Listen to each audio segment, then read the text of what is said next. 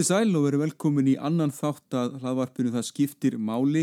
Ég heiti Björn Jón Bragason og hjá mér situr Jón Steinar Gunnlaugsson, lögmaður og fyrfirandi hæstaréttadómari og profesor og við fórum við að völl í fyrsta þætti og, e, og uh, Jón Steinar kom sinna á að dómari að þess að dæm eftir lögunum en ekki eldast við tísku og tíðaranda en við sjáum hins vegar skýrmerki um hið gagstæða og Jón Steinar ef við kannski höldum áfram þessi frávar horfi, eru dómarar í vinsældakeppni? Ég veit ekki hvort að nota það orð um það en allavega þá þykist ég hafa séð að, að, að sömur dómar geta af alla bara átt aðra skýringu heldur en þá að það verður að reyna að gera almenningi eða einhverju fólki til geðs með því að komast að niðurstöðum. Má ég nú minna á til dæmis það að, að það gekk dómur í hæstarétti í máli Baldur Skuðlökssonar. Svo við tökum nú bara ákveði mál fyrir innherjasvík. Eh, ég skrifaði um það, kabla í, í bókminn, bókminni með loknið í fangi sem kom út árið 2017.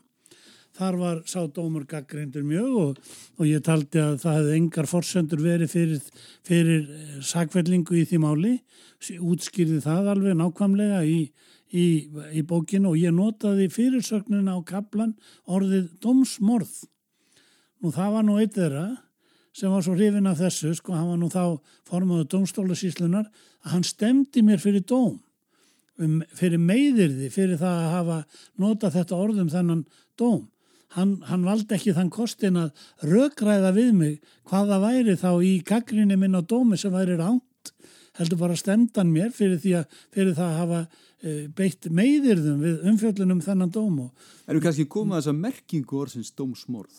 Já, já, það, merking þess, ég skýrði það nú í, í hérna í varnar greinagerminni, ég fekk nú lögmann til að flytja þetta fyrir mig og já, já, það er þegar að domstól kemst að rangri niðurstöðu og stundum eftir vitandi vits en kannski stundum vegna slælur að vinnubröða.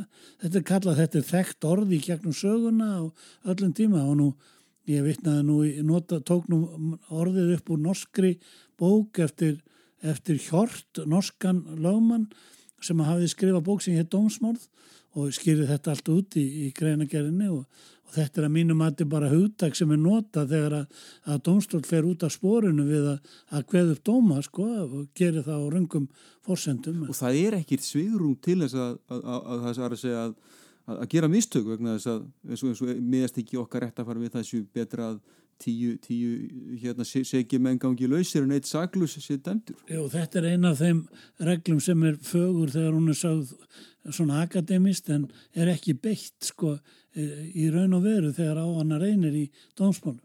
Ég ætla að segja aðeins frá þessu máli því að það er aldrei merkilegt um þetta.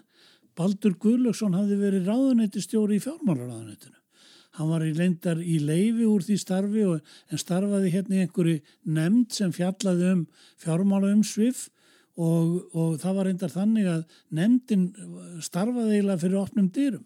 Allar upplýsingar um stöðu fjármála sem að nefndin hafiði voru jafnan byrtar jafnóðum ofinberlega þannig að allir hafði vittneski um þetta og En það hafði nú verið samt að því að Baldur seldi hlutabrif sem hann átti í landsbankanum í septembermánuði 2008 rétt fyrir hrunið mikla að þá var það tekið til rannsóknar hjá fjármálaeftilitinu hvort að hann hefði brotið gegn lögum um innherjasvík sko.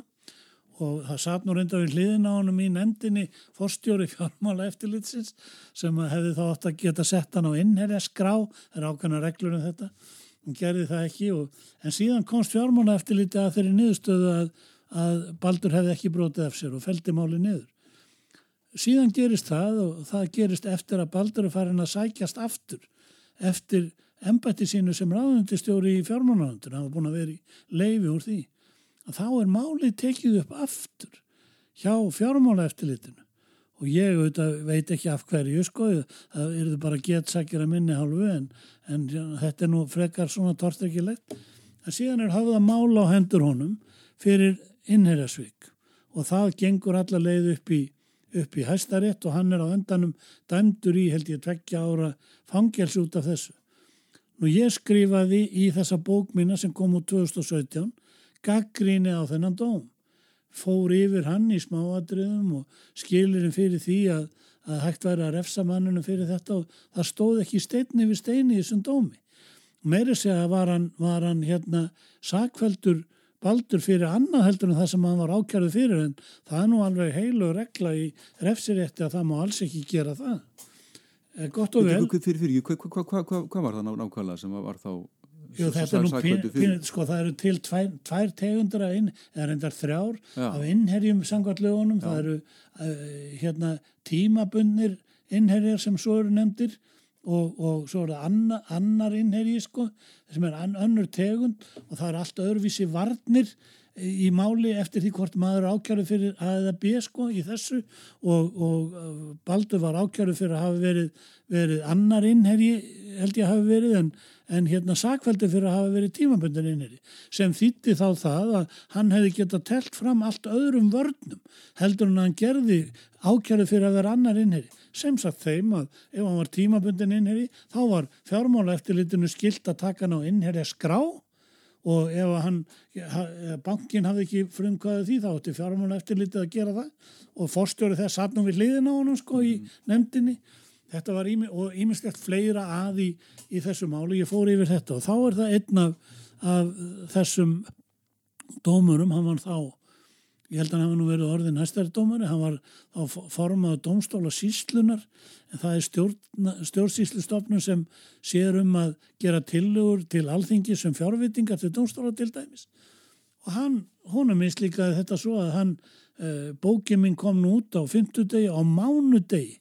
Þá var hann búinn að stefna mér blessaðu pilturum fyrir, fyrir þannan kapla í bókinu sem hér dómsmórð og ég tók auðvitað til varna og, og þetta var auðvitað að mínum að þið frekar óþægileg staða þar sem að mest er valdamaðurinn í dómskerfunu var í máli við mig sko og dómararnir allir sem átt að dæma voru auðvitað hengdir, hengdir upp á, á hagsmunasnaga hjá honum sko.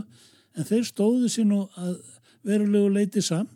Það var byrjað á því að taka mínar varnir til greina í hér og ég var síknaður að bara á þeim grundvöld að ég hef haft tjáningafrelsi til að segja það sem ég sagði hann áfriðaði því til landsréttar og aftur fór á sama veg ég var síknaður en málskostnaður feldur niður sem að ég held að þekkist nú bara engin dæmi um það að, að þegar að maður áfrýjar síknudómi í héræði uh, til landsettar og það er staðfest með sömu forsendum sem að gagnarinn hefur telt fram allan tíman að fella niður málskostnað. Þetta veldur mér verulegum uh, þetta er semst kostnað sem ég hef af minni málsvörd sko já, já. og veldur mér verulegum út, útgjöldum. Nú hann let sér þetta ekki dögur Hann sótt um áfríðuna lefi til hæstaréttar og fekk það auðvitað og þar fjölluðu þrýr innkallaði dómarar um máli og þeir síknuðu mig líka.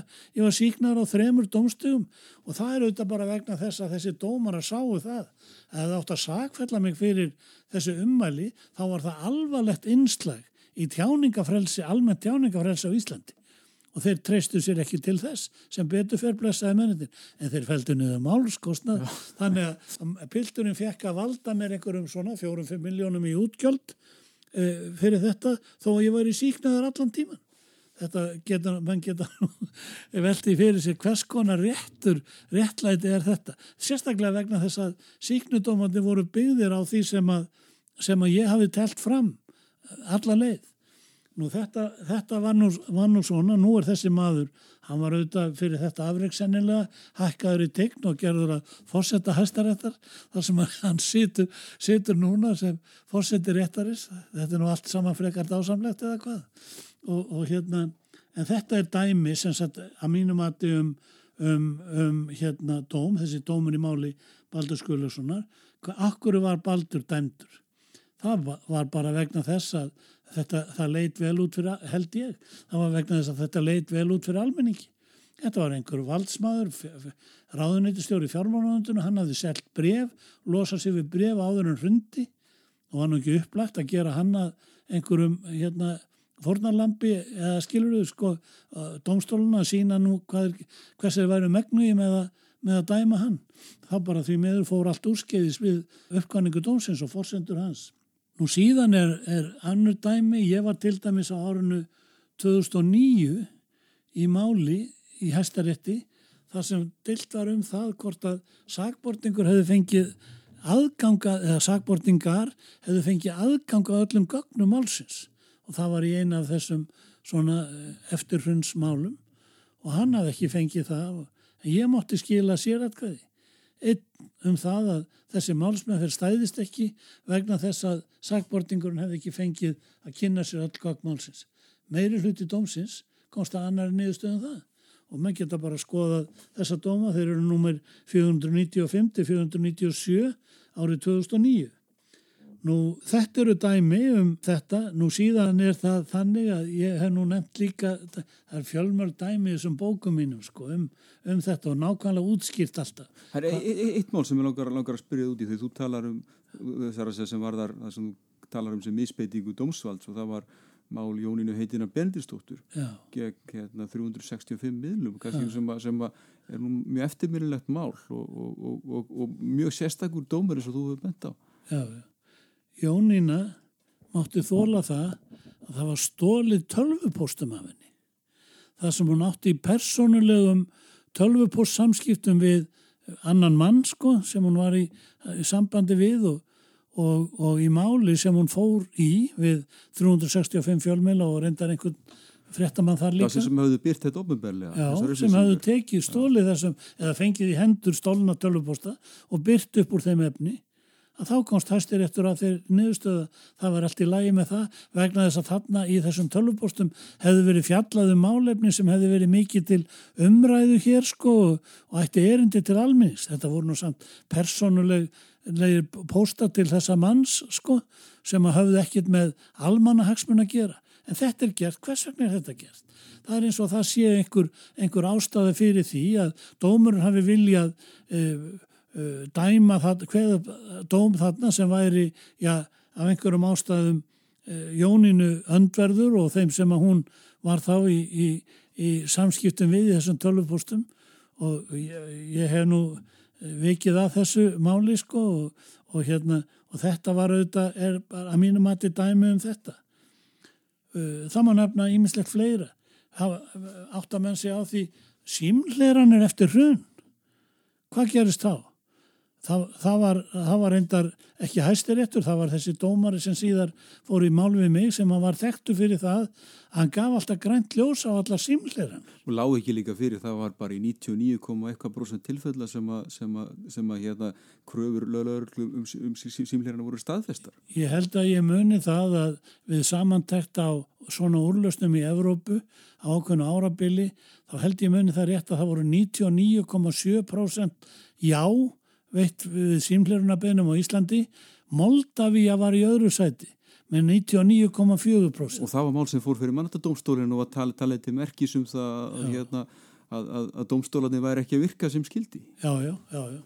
En það var líka þar ekki þannig að með þess að hæstir eftir Íslands komst nú að þeirri niðurstöði allt öðru máli síðar að þegar að væri verið að sleppa manni og gæsluvaraldi þar sem hann var sagaður þá, hann má ekki setja hann í gæsluvarð nema að sé sagaður um brot, þá var viðkomandi að hafa verið sagaður um lögbrot og hafi fengið það sem við kallum réttastöðu, þar að segja honum er bent á það, honum sé óskilt að svara spurningum og þess aftar, svo var hann sleft úr gæsluvaraldi, þá fóruður bara eh, til Hérastáns Vesturlands og fenguð símlerunar úrskurð um það að, að fá að lera síma hjá manninum sem að hafi, hafi hérna mátt eh, neyta svara spurningum í gæsluvaraldinu. Maður sér það fyrir sem að heyri hljóminn í eiranu að já, ég stráka mín ef við ekki bara slepp honum, svo getur við fengið bara símleirun óskur og hlustað á hann tala um sakarefnið við aðra. Og það voru einhver dæmu um það líka að, að, að laurugla var að hlusta á samtöl sangbótinga við verjandi sem er náttúrulega alveg sem á að vera alveg, hei, alveg hei, heilagt samtal. Já, já, hæstiréttur tók hann nú fram að það mætti ekki en þetta var gert, já. alveg rétt og, og svo kom nú dómur sem... En það eidilegur ekki málatilbúnaðið samt? Nei, það er bara litið fram hjá því þá eða það er sagt að þessi litið fram hjá því kannski hafa komið einhverjir svona tilefni þar sem að menn gáttu nota. Það var reyndar þannig og skilt að taka það fram að hæstiréttur tók fram í allt öðru máli síðar, ekki máli þess mann sem að, að þarna átti hluti í, því máli sem að, já ég hafði skrifað um þetta sko og, og, og hérna gaggrínt þetta, þessa símleirun að, að þá komst hæstiréttur að það væri brot á, á réttri málsmeðferð að leifa símleirun hjá manni sem væri verið að sleppa á gæsluveraldi. En ég hérna, eh, það hafi byrst sko grein um þessa símklunum, þetta var hjá einum af þessum bankamönnum, byrst á forsýðu fréttablasins. Grein um það hvernig lauruglumadur hafi verið sendur heim til dómarans og hann hafi komið til e, dýra og náttfötunum eða eitthvað svoleiðis og verið með einhvern úrskurð og eitthvað svona og, og var með ásakanir um þessi vinnubröð á forsýðu fréttablas. Þá skrifaði ég smá grein eins og ég hef stundu gert og spurði um þetta. Óskaði bara eftir því að dómarinn upplýsti það hvort þetta væri sagt eða ekki sagt og þá var hann svo reyður og meiri segja góður vinu minn sem hafði nú starfað með mér á skrifstofu árum saman, góðu kunningi sko þessa dómara þeir eru svo reyðir að það var sagt upp all, allum kunniskap við mig sko út af þessu, af því ég hafði spurt beðan um að svara þessu sem var auðvitað sjálfsagt að hann gerði en hann gerði það aldrei.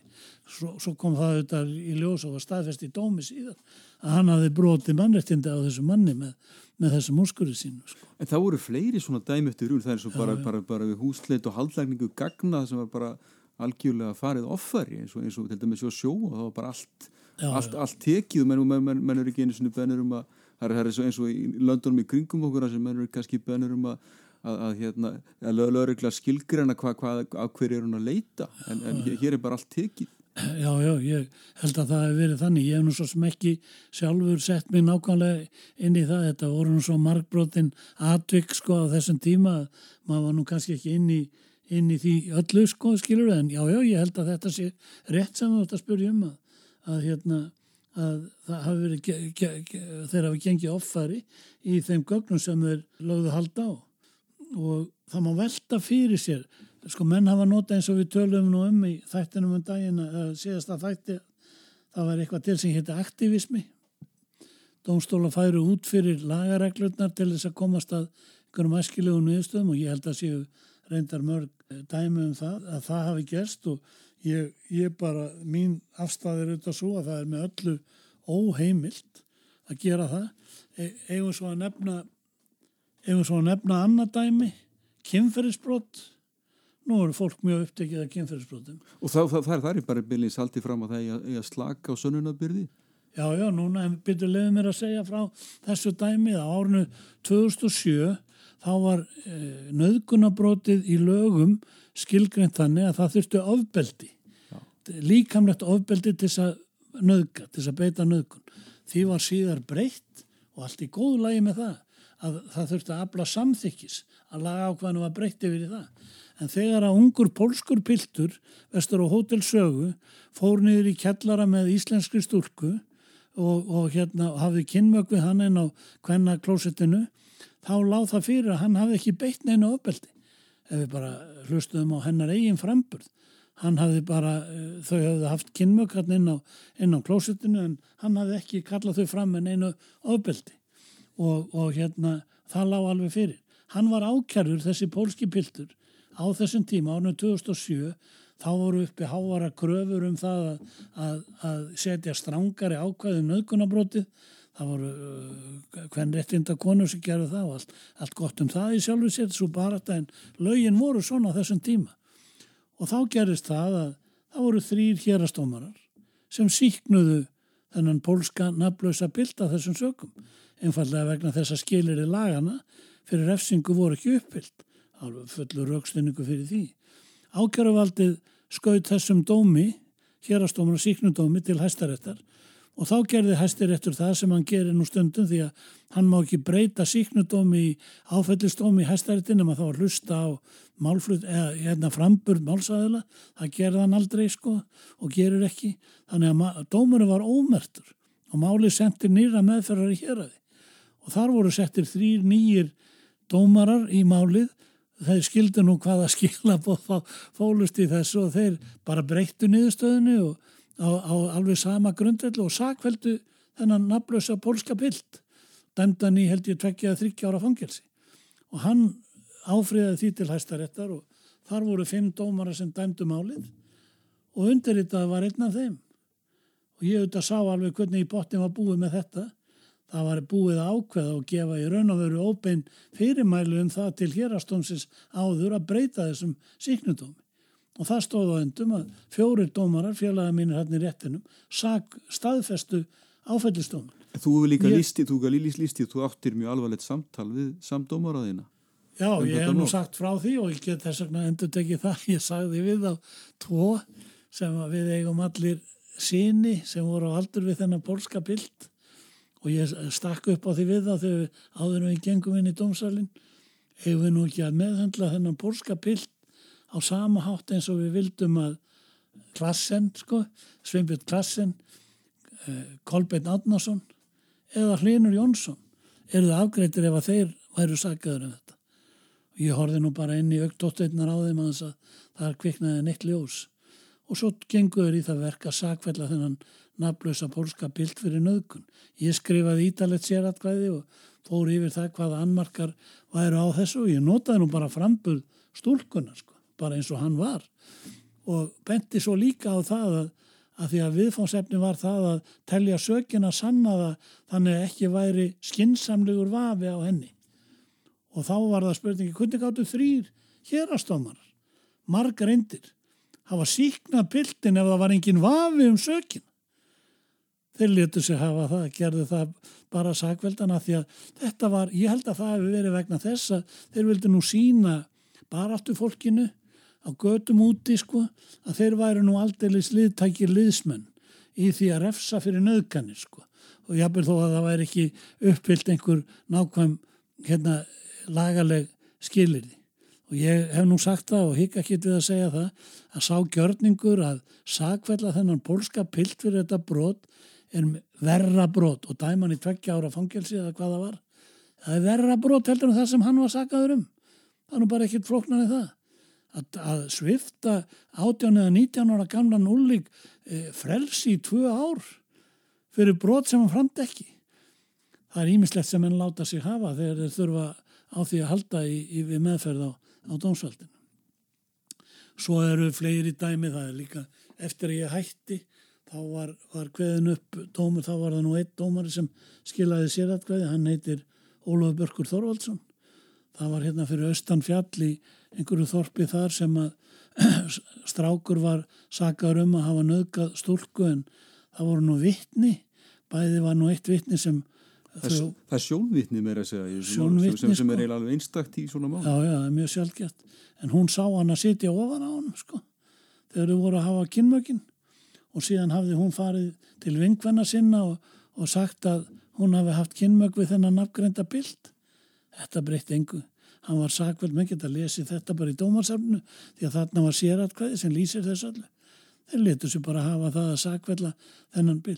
Menn verða að hugsa um þetta sko eins og þetta er. Það verður að taka sakbortninga, unga drengi í þessum tveimur tilfellum, í öðrum tilfellum einhverja aðra og sakvella þá fyrir refsiverða hátsemi þegar engin skilir eru til þess. Af hverju gera menninir þetta? Er þeir að reyna að skora stig í, í huga einhvers baráttu fólks á þessu sviði?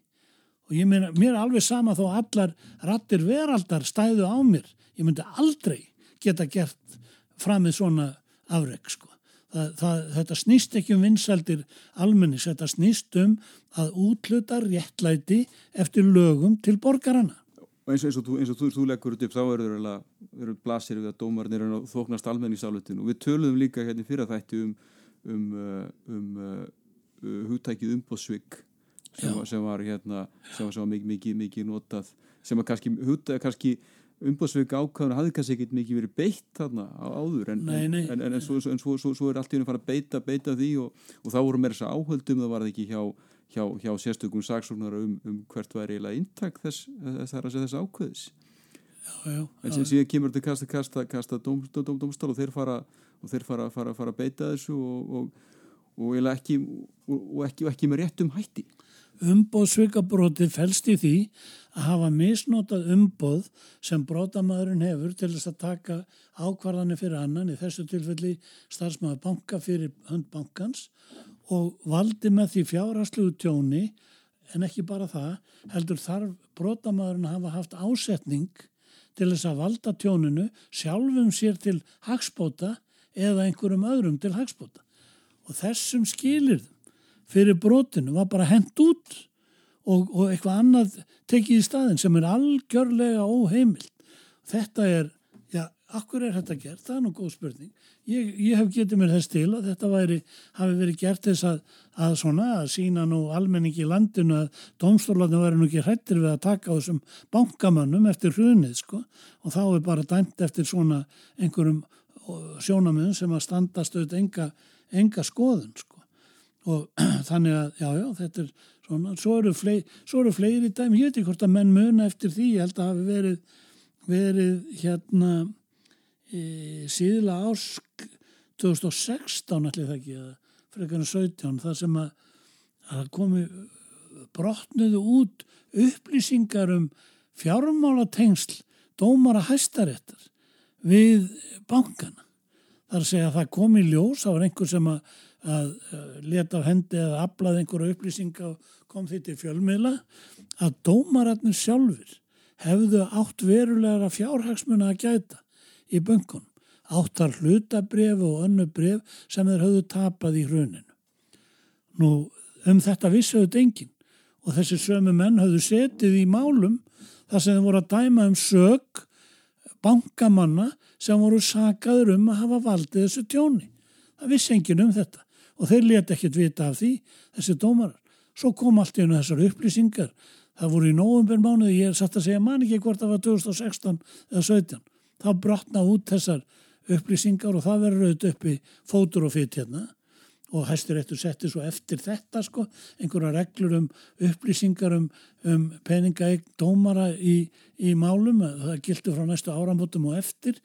Og það var nú reyndar þannig þá sem var nú mjög aðdeglisvert að aðal dómarinn innan gæsalappa sem svo má kalla sem var fósetti réttanins allis ár, hann átti miljóna tugi í brefum í þessum böngum að vísi í gegnum fjárfestingasjóði sem þýðir að hann var ekki með beina eignar aðild að hlutabröfum í böngunum heldur bara hluteld í þessum sjóði sem síðan hafði fjárfest í hlutabröfum í böngunum en auðvitað var það þannig að, að, hluta, að, að hlutabröfum í böngunum höfðu orðið verðlus og, og hann hafði alveg samskonar hagsmunni eins og, eins og þó hann hefði átt brefin beint sko skiluru en það var sett undantekningaregla í reglurnar sem hæstiréttur setti held ég til þess að forða þessum dómara frá því að þurfa að gefa upplýsingar um fjármál sín í þessu. En, en þetta er alltaf bara, þetta er vanhefnir það ekki?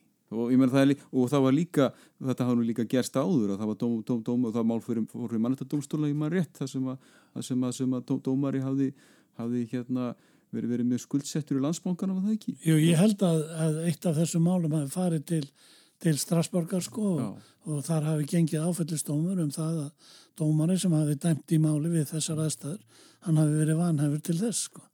Og, og hérna og ég, hvort það voru eitt eða fleiri mál, ég veit ekki. Ég, þetta er svona einhver eftirmál, ég hef ekki gælt þau alls sömur en En hvað hefðu þú gert í svona til, til, til, til tilfelli, ég meina þú hefðu, rátt hlut hlutabrif í, segjum sem landsbankunum sem fellur og svo kemur mál til kasta þín sem hæstar þetta dómara sem varðar, varðar var, var það stjórnendu bankans? Það hefði ekki verið hægt með neinum kröftum veraldarinnar að hægt að fá mig til að setjast í dóm í slíku máli. Reyndar var það nú þannig að, að hérna, ég taldi nú því ég var dómari að það væri ekki viðegand að ég væri aktífur þáttakandi sko í þessu atvinnulífi og allt því þannig að það var nú ekki mikil hægt á að þetta kæmu upp. En ég bara segi það að ef að það hefði borðið eitthvað á góma, ég hefði bara aldrei tekið sæti í svona dómi vegna þess að ég, ég tek þessar reglur alvarlega og beitiði mig auðvitað sjálfa mig en það, því miður þá virtust félagi mínir ekki gera það. Þeir híkuðu ekki við að setjast í dóma og dæma í málu manna sem í raun og veru var verið að saka um að eiga söka fjártjónaðir. En, en skortið með þá, já, hvað syðferði styrk til þess að, til þess að, að, að eins og í svona tilfellum að vikja sæti? Vilt þú ekki bara svara því Björn minn? ég, ég kann ekki, ég get ekki fælt eh, slíka dóma yfir mönnu og ég menna það er eitthvað mikið að, það vilist vera þannig að, að kannski eh, versta útgáfan af því er svo að þeir hafi bara borðið hatusög til mannana sem að þeir töldu hugsanlega ef þau valdi þessu tjóni í böngunum og, og, og valdi því að þeir töpuðu peningum ég, mena, ég ekki veit ég það. En, en, en svona blasir það samt ekki við þessum allavega eftir þessu tvö samtöl okkar að, að það er hérna, það er ekki nóg sem hæstrættadómari hafa mikla fræðilega hæfni með þurfa að hafa ja, sterk bein og, og, og, og já, og síðferði styrk. Mæltu manna heilastur það er nákvæmlega það sem þarf að vera. Það er auðvitað erfitt, erfitt að finna það hvaða aðferðir eru tækar til þess að bæta úr þessu ástandi vegna þess að, að við vitum alveg að, að hvernig, hvernig laga umhverfið er.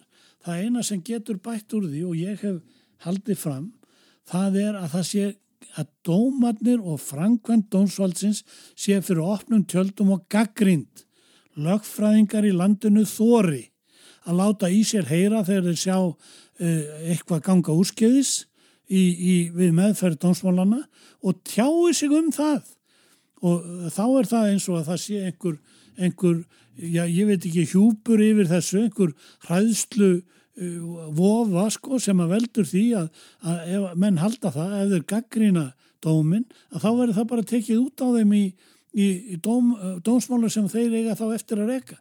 Ef að það væri rétt þá væri það nú eiginlega ennþá alvarlega heldur nokkuð annað ef að, ef að það væri rétt að dómarannir hefni sín á, á lögmunum sem kunna hafa verið að gaggrina á. En orður eru til alls fyrst, fyrst og ef við ekki að trúa því að, að þessi litli þáttur okkar sé rofi þagnarmúrin?